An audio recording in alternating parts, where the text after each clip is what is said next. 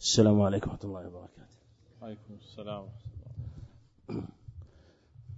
الحمد لله رب العالمين والصلاة والسلام على نبينا محمد وعلى آله وأصحابه وأتباعه بإحسان يوم الدين.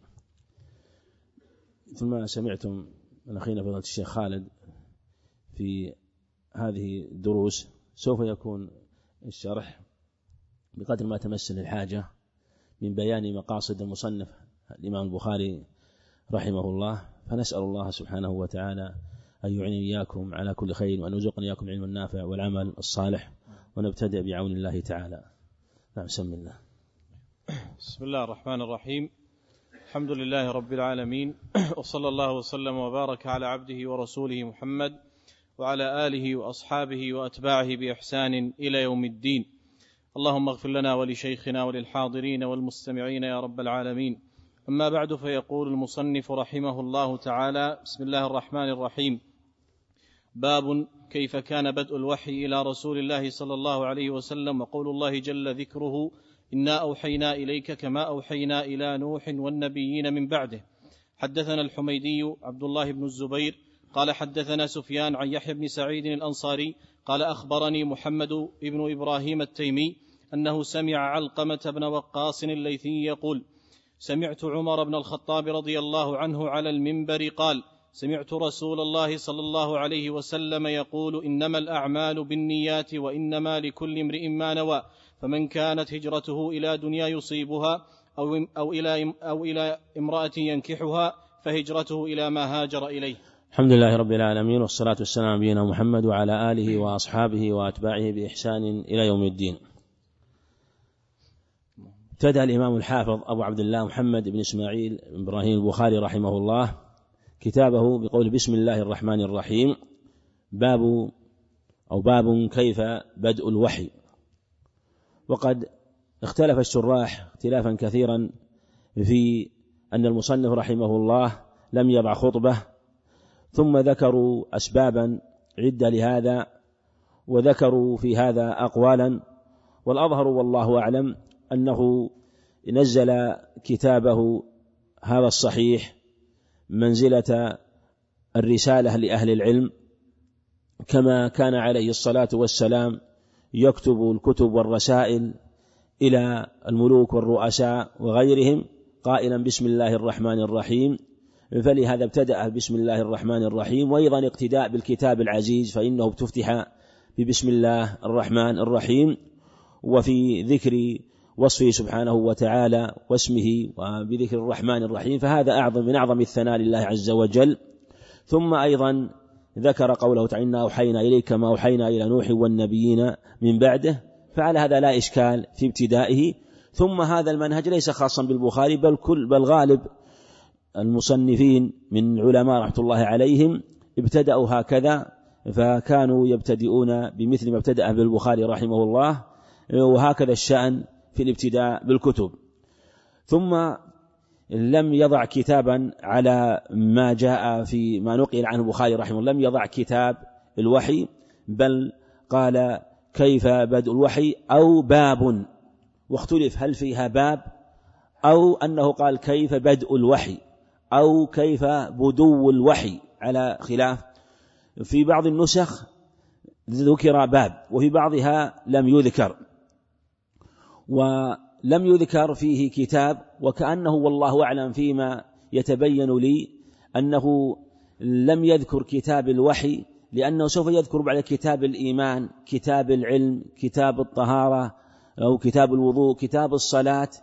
فلا يحسن أن يجعل الوحي كتابا من الكتب وكأنه يجعل جميع كتب هذا هذا المصنف تحت جنس. وتحت جنس معين فالذي يظهر والله أن كل ما يذكر بعد بدء الوحي هي فرع عنه فرع عنه. فكل ما ذكر في كتابه بعد ذكره بدء الوحي فرع عنه ومستمد منه مأخوذ من هذا الوحي الذي نزل على النبي عليه الصلاة والسلام. وما قاله فلهذا لو قال مثلا كتاب الوحي ربما يتوهم متوهم أن كتاب بدء الوحي مثل كتاب كتاب الوضوء كتاب الإيمان كتاب الصلاة وأنها كلها كتب واحدة مستوية وأن لأن هذه الكتب مستمدة من الوحي من الوحي. فكأنه هو منبع الكتب وهو أصل الكتب التي سوف يذكرها بعد ذلك فلا يحسن أن يقول كتاب الوحي فيتوهم أنه كغيره مما يأتي بعده. لكن قوله باب قوله باب إن كانت ثابتة فكأنه مدخل الدخول إلى الوحي وباب باب باب كيف بدء الوحي وهو الدخول إليه والباب الذي يفتح إليه والباب هذا هو مدخل الشريعة وهو بابها ومنه بعد ذلك تكون الكتب الأخرى التي فيها الشريعة بأصولها وفروعها. ثم ذكر رحمه الله قوله تعالى إنا أوحينا كما أوحينا إلى نوح والنبيين من بعده ثم ذكر بعد ذلك حديث عمر رضي الله عنه وكأنه والله أعلم أراد أن يبين إن الوحي الذي نزل عليك نزل على من قبلك وأنه وحي إرسال كما أوحي إلى من قبلك من النبيين وأنهم متفقون في هذا الأصل العظيم. ثم ذكر حديث النيات وحديث النيات قال بعضهم انه نزله منزلة الخطبة وهذا قول ضعيف وحينما يقال نزلها منزلة الخطبة يحتاج إلى دليل والأظهر والله أعلم أنه أخذه مما قاله جمع من أهل العلم كابن مهدي وجماعة أنه يشرع لمن صنف كتابا أن يبدأه بحديث النيات إشارة إلى تصحيح النية في كل عمل أما أنه نزله منزلة الخطبة أو غير ذلك مما ذكروه فكله موضع نظر واجتهاد و هو ابتدأه بسم الله الرحمن الرحيم لو أراد أن ينزله منزلة الخطبة لجعله مقدما على كل ما ذكر هنا ثم بعد ذلك ذكر ما يريد آه، رقمه وتصنيفه. وهذا الحديث حديث عظيم بين. وكما تقدم آه، يشار إلى ارتباط الحديث بما ذكره فهذا هو قصده في ذكر هذا الحديث. وهذا أصل في تصحيح العمل. ثم مناسبته لما سيأتي بعده ما لما يأتي بعده. أنه بعد أنه يأتي بعده كتاب الإيمان وتصحيح الإيمان بصحة النية وأيضا يأتي بعده كتاب العلم ولا يصح العلم إلا بالنية الصحيحة. وقول حدثنا الحميدي هو عبد الله بن الزبير الحميدي وسفيان هو بن عيينة. إذا والحميدي لم يدرك سفيان الثوري لم يدرك سفيان الثوري ولا أو لم أو لم أو لم يروي عنه أو لم يذكر أنه روى عنه فالحميد في سنة تسعة عشر وهو مئتين والثوري رحمه الله في سنة مئة وثمانية سنة مئة وستين رحمه الله فبين وفاتيهما نحو من ستين سنة. سفيان بن نبي عمران هلالي توفي سنة 198 للهجرة. ويحيى بن سعيد هو الأنصاري يحيى بن سعيد هو الأنصاري تابعي صغير رحمه الله. أخبر محمد بن إبراهيم التيمي عن علقة وقاص الليثي وهذا الإسناد إسناد مشهور معروف بحديث عمر بن الخطاب رضي الله عنه ولم يصح إلا عن عمر جاء عن غيره لكن لم يصح. نعم. قال قال رحمه الله حدثنا عبد الله بن يوسف قال أخبرنا مالك عن هشام بن عروة عن أبيه عن عائشة أم المؤمنين رضي الله عنها أن الحارث بن هشام رضي الله عنه سأل رسول الله صلى الله عليه وسلم فقال يا رسول الله كيف يأتيك الوحي؟ فقال رسول الله صلى الله عليه وسلم أحيانا يأتيني مثل صلصلة الجرس وهو أشده علي فيفصم عني وقد وعيت عنه ما قال وأحيانا يتمثل لي الملك رجلا فيكلمني فأعي ما يقول. قالت عائشة رضي الله عنها ولقد رأيته ينزل وأحيانا عليه وأحيانا يتمثل الملك رجلا. نعم فيكلمني فأعي ما يقول. نعم. قالت عائشة رضي الله عنها نعم. ولقد رأيته ينزل عليه الوحي في اليوم الشديد البرد فيفصم عنه وإن جبينه ليتفصد عرقا. نعم. حدثنا عبد الله بن يوسف هو التنيسي وأخبرنا مالك الإمام بن أنس رحمه الله عن هشام بن عروة عن أبيه عروة بن الزبير عائشة وهذه النسخة يروي بها البخاري وغيره. أسانيد كثيرة وهي نسخة عظيمة مهمة يحسن بطالب العلم أن يحفظ هذه الإسناد. مالك عن هشام بن عروة عن أبيه عن عائشة. إسناد صحيح عظيم. أن الحارث بن هشام سأل رسول الله صلى الله عليه وسلم الحديث فيما يظهر مناسبته للترجمة من جهة كيف يأتيك الوحي والترجمة كيف بدء الوحي. وبدء كما تقدم يظهر والله أعلم أيضا من الابتداء من, من, من لا من البدو. بعضهم ضبطه كيف بدو الوحي إما من الابتداء وإما من البدو وهو الظهور. والأظهر أنه كيف بدء الوحي. مثل ما ذكر بدء الحيض بدء الخلق فالبدء من الابتداء وكيف كان ابتداء الوحي. وهذا حديث الحارث بن هشام الحارث بن هشام فيه كيف يأتيك الوحي كيف يأتيك الوحي. لما ذكر الوحي الذي يأتيه وأنه كما يأتي الأنبياء قبله وصفته كما يأتي من جهة النزول كما يأتي الأنبياء قبله. ناسب أن يذكر بعده كيفية الوحي كيفية الوحي. قد يقول قائل سيأتي حديث عائشة رضي أول ما بدأ به رسول الله. أليس هو أنسب أن يذكره؟ بعد الآية أو يذكره بعد الباب مباشرة فيما يظهر لي والله أعلم أنه ولم يعني أرى من تكلم على مثل هذا يظهر والله أعلم أن حديث عائشة الذي فيه كيف أن قد أول ما بدأ به رسول الله صلى الله عليه وسلم وقد يتخيل أنه مناسب لأن يذكره مباشرة بعد الترجمة لكن الذي فيه أول ما بدأ به رسول الله الرؤيا من الوحي الرؤيا الصادقة أو الصالحة. وهذه قبل البعثة. وهذه قبل البعثة. وهو ذكر بدء الوحي يعني ابتداء نزول الوحي وابتداء المبعث. فلو ذكره فلا يطابق آه، فلا يطابق الترجمة من جهة ذكر البدء من ذكر البدء. أم ولهذا ذكر الآية التي تبين أن ابتداء الوحي عليه عليه الصلاة والسلام كابتداء الوحي على غيره من الأنبياء عليهم الصلاة والسلام. ثم ذكر حديث عائشة في سؤال الحارث بن هشام في صف كيفية الوحي في كيفية الوحي. ولا شك أن نقل الصفة نقل للموصوف. النقل الصفة نقل للموصوف. فنقل صفة كيفية إتيان الوحي هو نقل للوحي.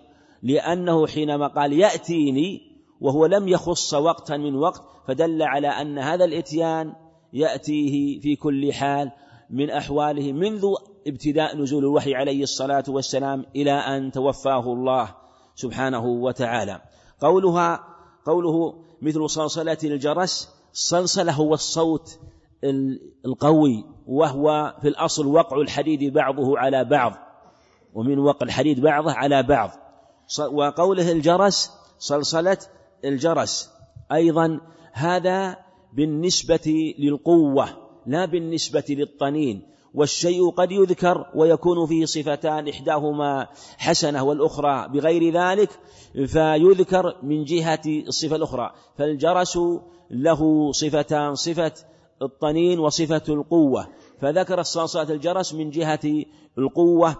قال وهو أشد عليه فيفصم عني. يفصم عني أنه يحصل انفصال بلا قطع بل انفصام يفصم بانفصام مع عود. لم والقصم هو القطع والفصم بغير إبانة والقصم بغير إبانة والقصم بإبانة. فكأنه يقول يفصم ولكنه لا ينقطع سيعود. ولهذا انظر القصم والفصم. الفصم يكون الانقطاع أو القطع بلا إبانة. والقصم القاف لما كانت القاف أقوى في الحركة أو تملأ الفم أكثر من الفاء وعليها نقطتان كانت أقوى في المعنى لما كانت أقوى في المبنى. وقوله يتفصد عرقا يعني مثل فصد الجرح مثل فصد العرق إذا سال الدم. والمعنى يجري العرق جريان شديد مثل العرق الذي فصد وجرى الدم منه. نعم. قال رحمه الله حدثنا يحيى بن بكير قال حدثنا الليث عن عقيل عن عن ابن شهاب عن عروة بن الزبير عن عائشة أم المؤمنين أنها قالت أول ما بدأ به رسول الله صلى الله عليه وسلم من الوحي الرؤيا الصالحة الرؤيا الصالحة في النوم فكان لا يرى فكان لا يرى رؤيا إلا جاءت مثل فلق الصبح ثم حبب إليه الخلاء وكان يخلو بغار حراء فيتحنث فيه وهو التعبد الليالي ذوات العدد قبل أن ينزع إلى أهله ويتزود لذلك. ثم يرجع إلى خديجة فيتزود لمثلها حتى جاءه الحق وهو في غار حراء. فجاءه الملك فقال اقرأ. قال ما أنا بقارئ؟ قال فأخذني فغطني حتى بلغ مني الجهد ثم أرسلني فقال اقرأ. قلت ما أنا بقارئ؟ فأخذني فغطني الثانية حتى بلغ مني الجهد. ثم أرسلني فقال اقرأ فقلت ما أنا بقارئ. فأخذني فغطني الثالثة ثم أرسلني فقال اقرأ باسم ربك الذي خلق خلق الإنسان من علق. اقرأ وربك الأكرم. فرجع بها رسول الله صلى الله عليه وسلم يرجف فؤاده. فدخل على خديجة بنت خويلد فقال زملوني زملوني. فزملوه حتى ذهب عنه الروع. فقال لخديجة وأخبرها الخبر لقد خشيت على نفسي. فقالت له خديجة كلا والله ما يحزنك الله أبدا. والله. والله ما يحزنك الله أبدا. هو نعم. عندك ما يحزنك. يحزنك؟ يحزنك أي. أو يح... يح... نعم. نعم. كمل. إيش عندكم؟ يخزيك. هو هو بعضها يخزيك وبعضها يحزنك. نعم. أو يحزنك. نعم. نعم. صلى الله عليك إنك لتصل الرحم وتحمل الكل وتكسب المعدوم وتقري الضيف وتعين على نوائب الحق.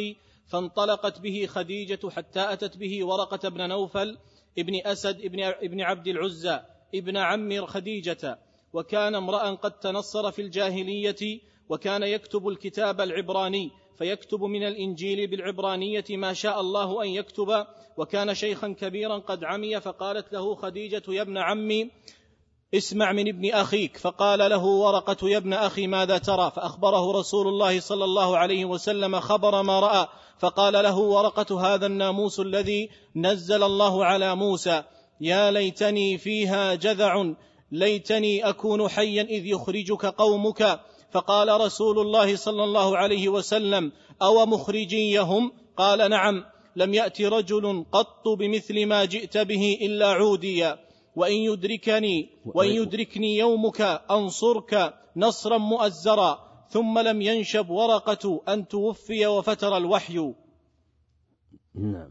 قال ابن شهاب وأخبرني أبو سلمة ابن عبد الرحمن أن جابر بن عبد الله الأنصاري قال وهو يحدث عن فترة الوحي فقال في حديثه بين, بين أنا أمشي إذ سمعت صوتا من السماء فرفعت بصري فإذا الملك الذي جاءني بحراء جالس على كرسي بين السماء والأرض فرعبت منه فرجعت فقلت زملوني زملوني فأنزل الله عز وجل يا أيها المدثر قم فأنذر إلى قوله والرز فاهجر فحمي الوحي وتواتر.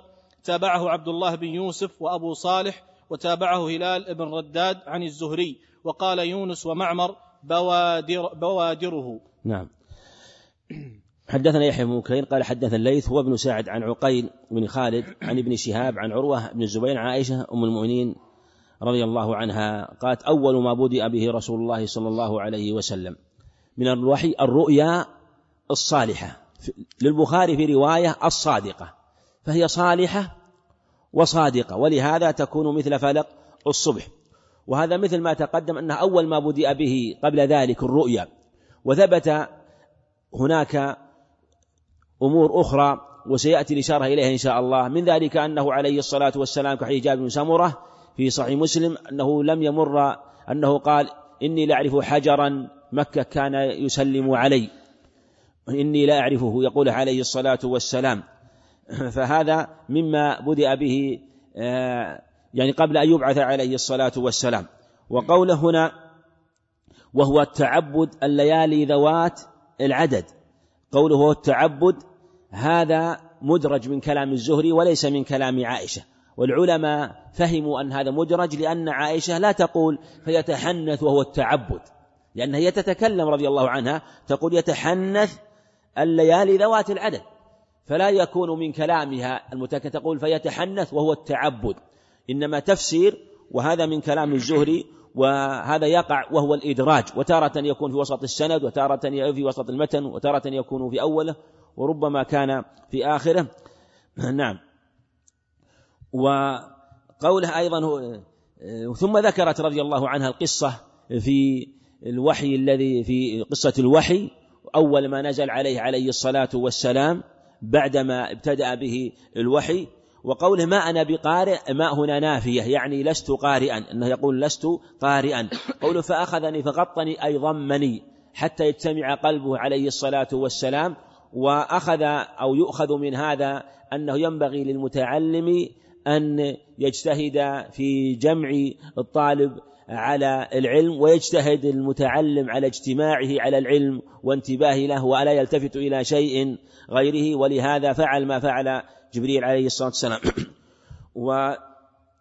وقصة نو قصة ورقة بن نوفل واختلف في إسلامه جاء في أحاديث لا بأس بها ما يدل على إسلامه وأنه صدق النبي عليه الصلاة والسلام وأنه آمن به وأن النبي رآه عليه الصلاة والسلام في ثياب خضر. قال لو كان من أهل النار لم يكن في ثياب خضر. وقال وكان يكتب الكتاب العبراني فيكتب من الإنجيل بالعبرانية. جاء في رواية أنه ولا يكتب الكتاب العربي. والأظهر كما قال حافظ أنه يكتب الكتابين ويتكلم اللسانين.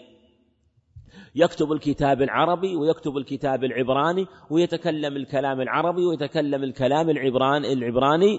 فكان يكتب بالعربية بمقتضى معرفته باللسان العبراني ويترجم من العبرانية إلى العربية ويتك ويترجمها بلسانه ويكتمها ببنانه وكان قد قرأ الكتاب وقالت يكتب ما قالت يحفظ لأنها لم تكن تحفظ. وقوله بعد ذلك قال ابن شهاب قال ابن شهاب هذا ليس معلق كما وهم بعضهم بل قال ابن شهاب أي بالسند المتقدم. بالسند المتقدم من روايته عن عروة بن عن عروة بن الزبير. عن عروة بن الزبير كما تقدم. ليس معلقا وهذا واضح لأن قال قال ابن شهاب وأخبرني جاء بالواو العاطفة. فلما جاء بالواو العاطفة دل على أنه معطوف على شيء سبق. فكأن ابن شهاب سمع سمعه من عروة ومن أبي سلمة. لكن سمع من عروة ما تقدم ثم زاده أبو سلمة عبد الرحمن أن جابر عبد الله. يعني سمع سمع من أبي سلمة عن جابر وسمع من عروة عن عائشة في قصة فترة الوحي. وأن النزول الأول كان في قول اقرأ. ثم بعد ذلك نزل يا أيها المدثر قال فحمي الوحي فحمي الوحي وتتابع. حمي أي قوي واشتد بعد فتور ولقال فتر. وتتابع قيل تأكيد معنوي والأظهر وأن فيها زيادة معنى وهو معنى تكاثر وتواتر التتابع والتواتر. فهو حمي يعني عاد قويا ثم تتابع وتواصل عليه عليه الصلاة والسلام وأبلغ وأكثر ما نزع الوحي حينما قرب أجله صلوات الله وسلامه عليه. قول تابعه تابعه عبد الله بن يوسف أي تابع يحيى بن بكير في السند الذي قبله. يعني في السند قال حدثنا يحيى بن بكير قال حدثني يعني أن عبد الله بن يوسف رواه عن الليث مثل ما رواه يحيى. مثل ما وهذه المتابعة وصلها المصنف في قصة موسى. وصلها المصنف رحمه الله في قصة موسى. وقوله هو أبو صالح هذا هو عبد الله بن صالح وهو يروي عنه وسيأتي الإشارة إلى طريقة روايته عنه أنه ينتقي من أخباره وهو كاتب الليث. أبو صالح هذا كاتب الليث ومتابعته هذه وصلها يعقوب بن شيبة في تاريخه. وتابعه هلال بن رداد وتابعه هلال بن رداد عن الزهري. وقول عن الزهري يعني في الجميع. وهذه وصلها آه، الذهلي في الزهريات. وصلها الزهري في آه، الذهلي رحمه الله في كتابه الزهريات وهو كتاب عظيم. لا أعلم أنه مطبوع هذا الكتاب والعلماء يذكرونه ويثنون عليه كثيرا. هذا الكتاب للذهلي رحمه الله شيخ البخاري رحمه الله.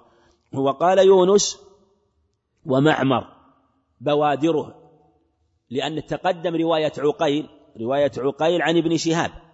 ورواه يونس أيضا عن ابن شهاب. عقيل قال يرجف فؤاده كما تقدم يرجف فؤاده ويونس وهو ابن يزيد ومعمر وهو ابن راشد قالوا بوادره. والبوادر هي اللحمة التي بين الكتف وبين العنق وهو إذا رجف القلب رجفت تلك البادرة والمعنى متقارب لأن يرجف فؤاده لا ينافي قوله يرجف بوادره لأنه إذا رجفت البوادر دل على رجفان الفؤاد. نعم.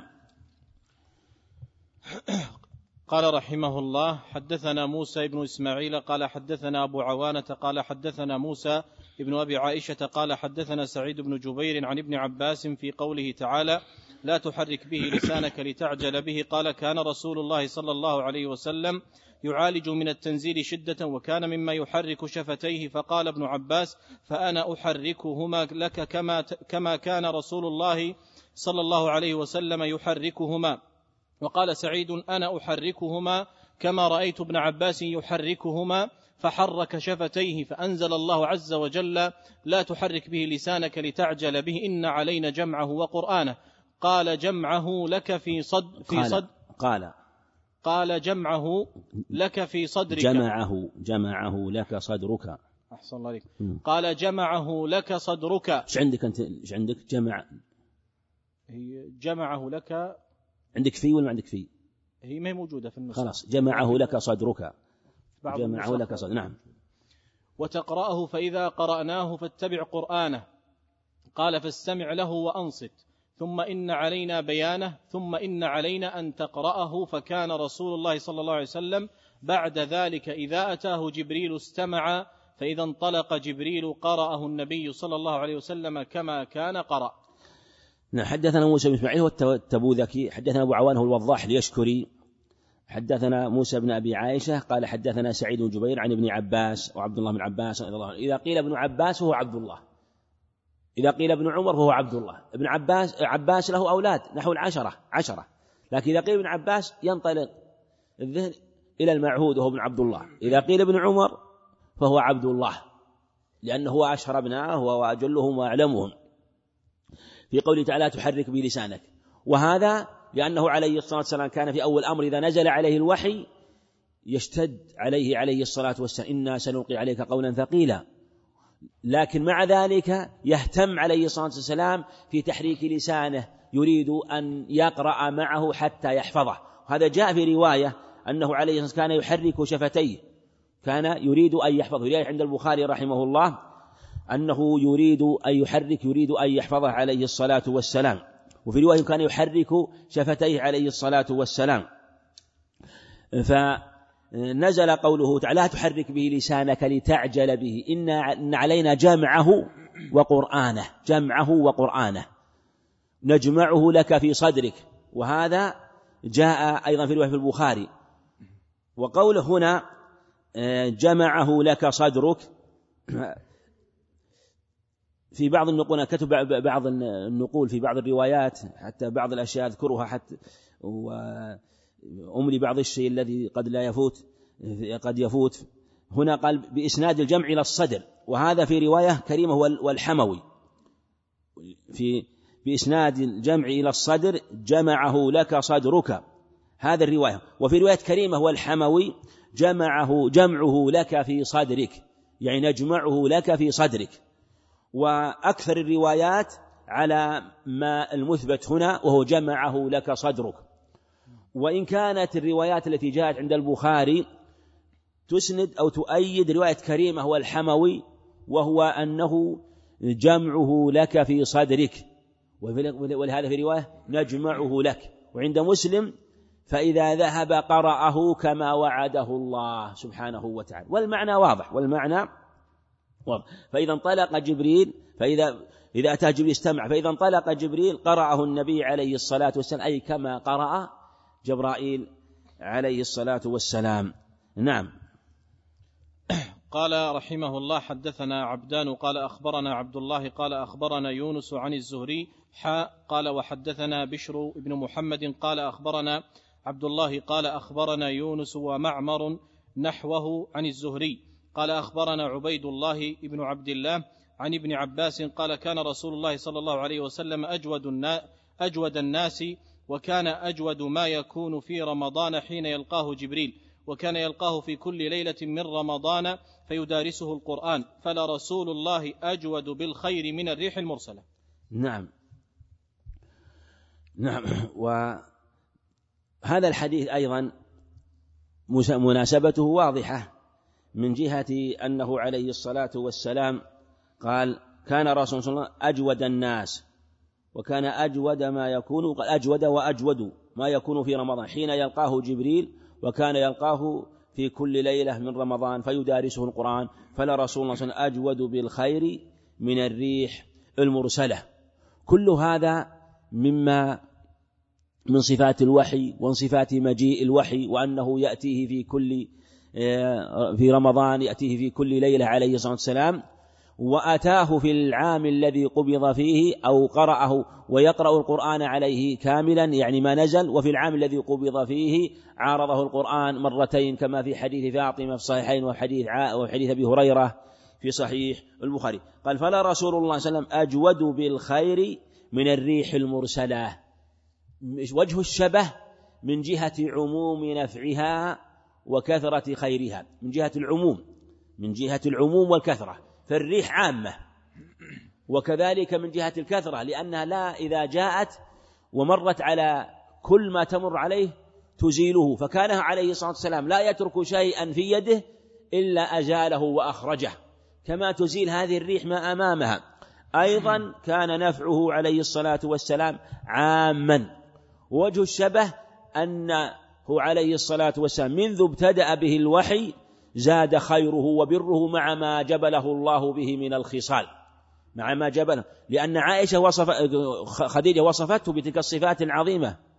تصل الرحم وتحمل الكل وتكسب المعدوم وتعين على نوائب الحق. هذا وهو قبل أن ينزل عليه الوحي. فكيف بعد نزول الوحي؟ إذا هو أجود بالخير من الريح المرسلة مع ما جبله الله عليه فيكون خيره وبره يزداد ويكثر عليه الصلاة والسلام. نعم. صلى الله عليكم. قال رحمه الله حدثنا أبو اليمان الحكم ابن نافع قال أخبرنا شعيب عن الزهري قال أخبرني عبيد الله ابن عبد الله بن عتبة بن مسعود أن عبد الله ابن عباس أخبره أن أبا سفيان بن حرب أخبره أن هرقل أرسل إليه في ركب من قريش وكانوا تجارا بالشام في, في المدة التي كان رسول الله صلى الله عليه وسلم ماد فيها أبا سفيان وكفار قريش فأتوه وهو بإلياء فدعاهم في مجلسه وحوله عظماء الروم ثم دعاهم ودعا ترجمانه فقال أيكم أقرب نسبا بهذا الرجل الذي يزعم أنه نبي؟ فقال أبو سفيان قلت أنا أقربهم نسبا.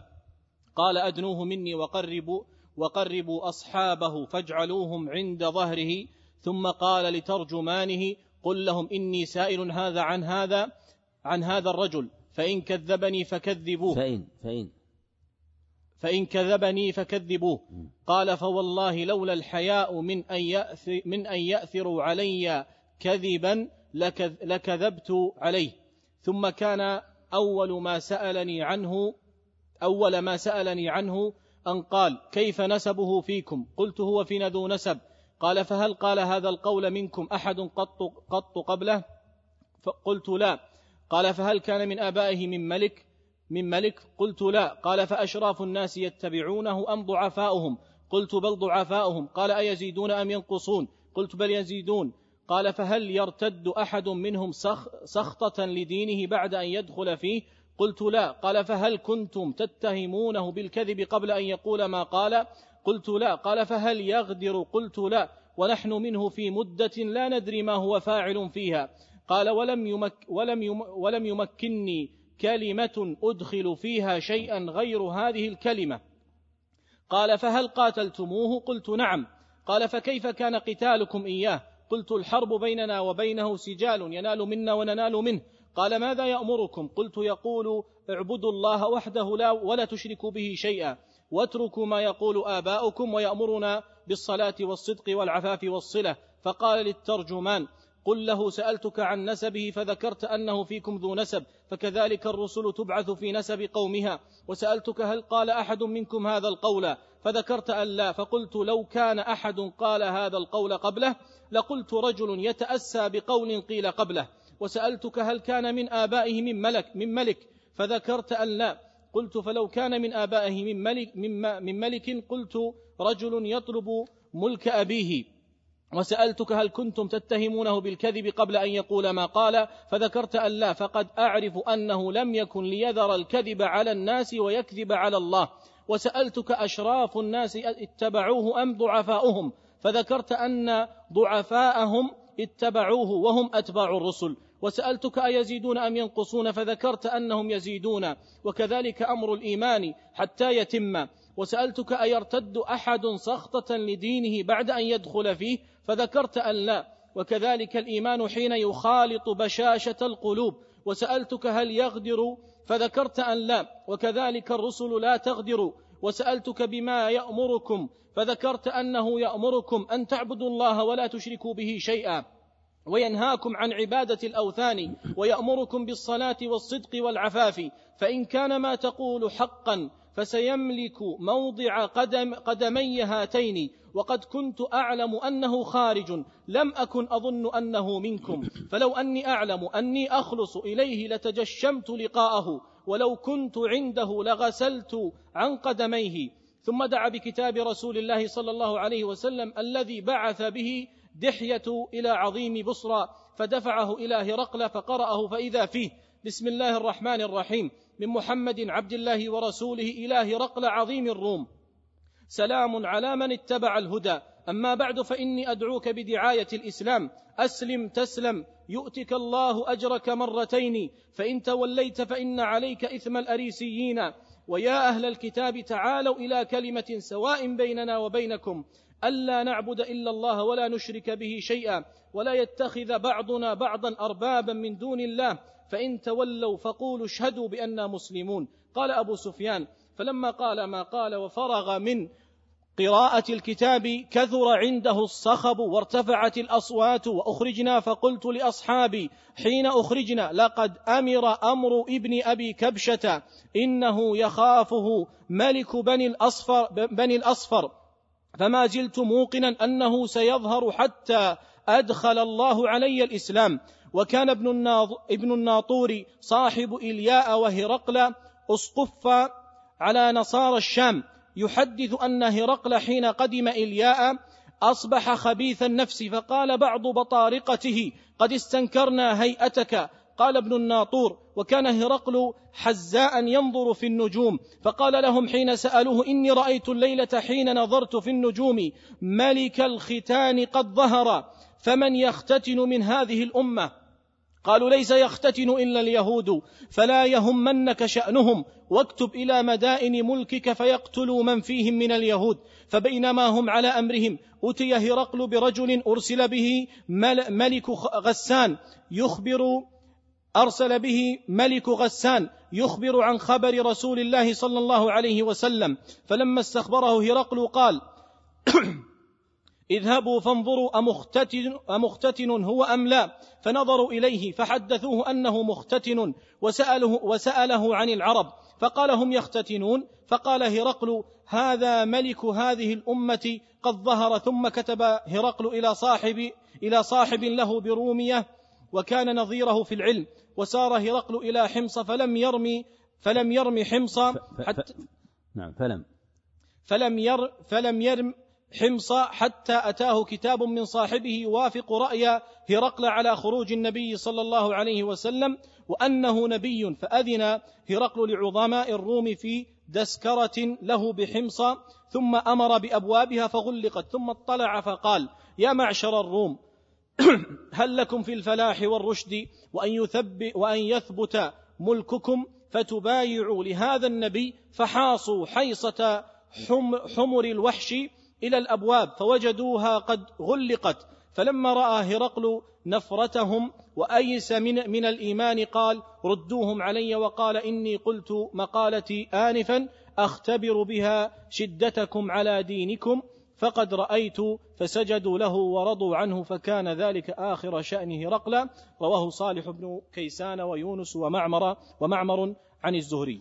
نعم هذه القصة التي ذكرها البخاري رحمه الله قصة فيها عبر وقصة عظيمة وتدل على ذكاء وعلى فراسة عظيمة لهذا الرجل ودهاء وأنه ذو عقل لكن لم يساعده أمره في الهداية واختلف في ذلك. ولهذا ساق البخاري رحمه الله آخر كان قال فذلك آخر شأن هرقل.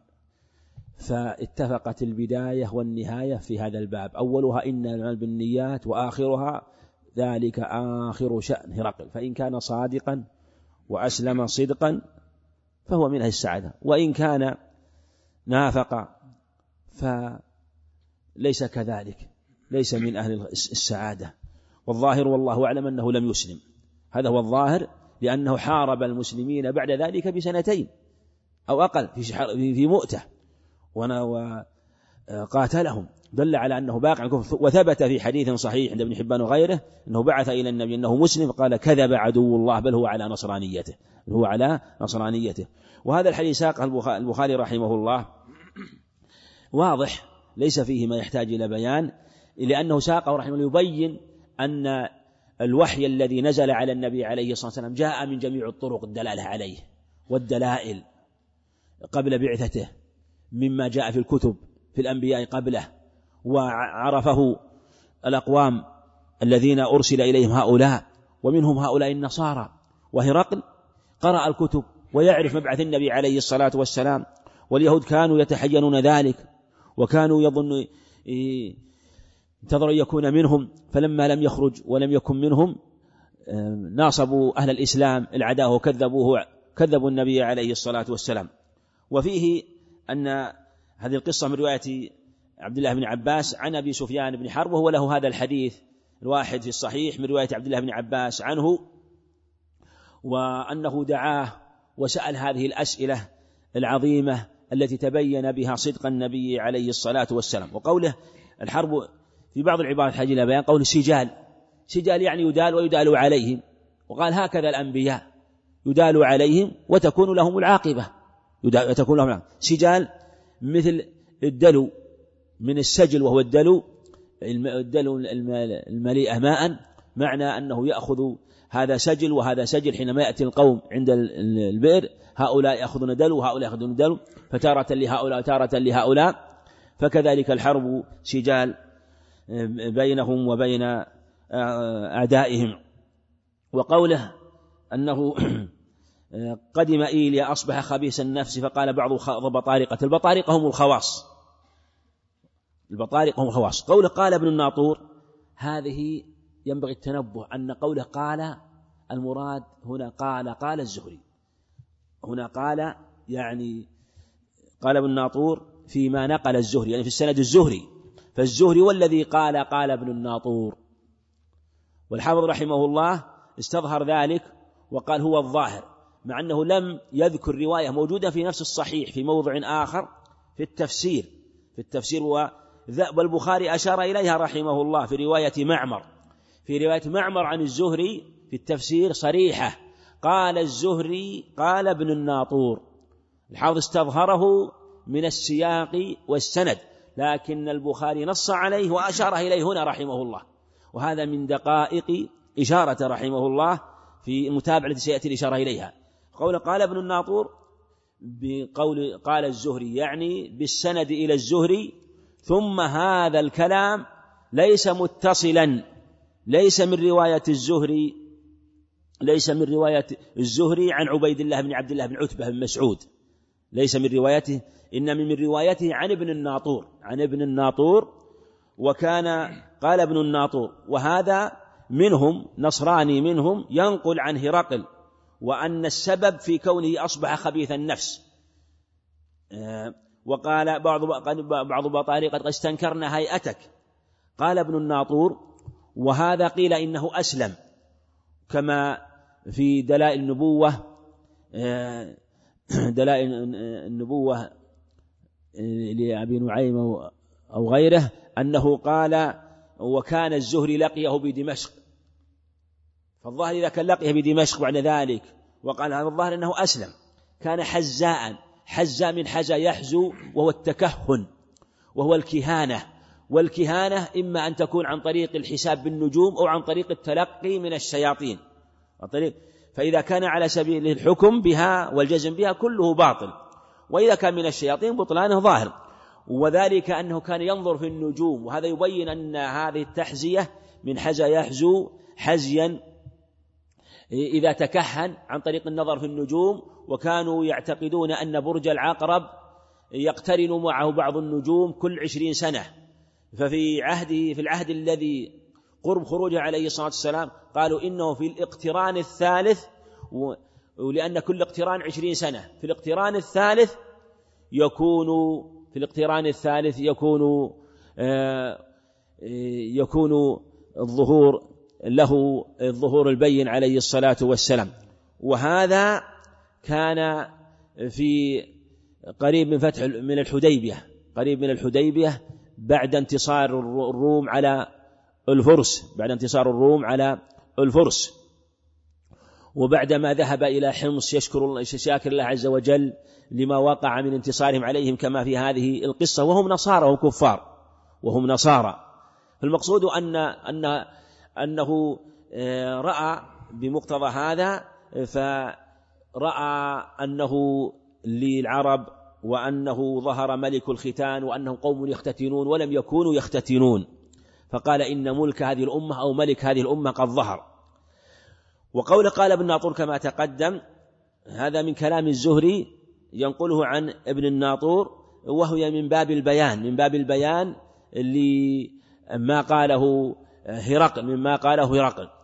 وذلك وذلك أن الدلائل جاءت في بعثته عليه الصلاة والسلام من كل وجه. العلامات التي جاءت قبل بعثته بكونه سمي يعرف حجرا كان يسلم عليه وكذلك مما ثبت في صحيح البخاري أنه عليه الصلاة والسلام لما كانوا يبنون الكعبة في الجاهلية وكان حمل معهم يحمل عليه معهم وسقط رداؤه وبدا منه بعض الشيء فسمع صوتا يقول ارفع عليك ثوبك. سمع صوتا وهذا قبل بعثته عليه الصلاة والسلام. وكذلك الدلائل التي يوم ولادته إلى غير ذلك. وجاءت الدلائل من كل وجه وتواترت. ف ولهذا ساق المصنف خصوص هذه الدلالة لأنها عن أهل الكتاب والحق ما شهدت به الأعداء. وفيه أنه قال جمعهم في دسكرة. الدسكرة هي القصر. القصر الذي يكون فيه حشمه وفيه خدمه. ثم سألهم ودعاهم كما في هذه القصة فحاصوا حيصة حمر الوحش. يعني نفروا حمر الوحش حمر الوحش شبهوا بالحمر الوحش من جهة عدم آه، فهمهم. لو كانوا يعقلون لا صدقوا ما في كتبهم لأن الحق ظاهر عندهم. ثم أيضا وصفها بحمر وحش من جهة شدة النفار حمر مستنفرة في نفرته من الحق. ثم بعد ذلك تبين ضلاله تبين ضلاله وأنه أراد حينما قال أردت أن أختبر شدتكم يريد تبين أنه في باطل الأمر أنه مكذب وأنه ليس آه، صادق. ولهذا حارب المسلمين في مؤتة. وقوله رواه صالح بن كيسان يعني عن الزهري. رواية صالح بن كيسان وصلها البخاري في الجهاد. وكذلك رواية يونس وابن يزيد عن الزهري رواها البخاري في الجهاد لكنها مختصرة. ورواية صالح بن كيسان ليس فيها قصة ابن الناطور. إلى قول ليست فيها قصة ابن الناطور رواية صالح بن كيسان. ورواية يونس بن يزيد مختصرة جدا. أما رواية معمر فهي أطولها وأوضحها وهي التي في التفسير وهي التي في التفسير. وفيها قال الزهري قال ابن الناطور.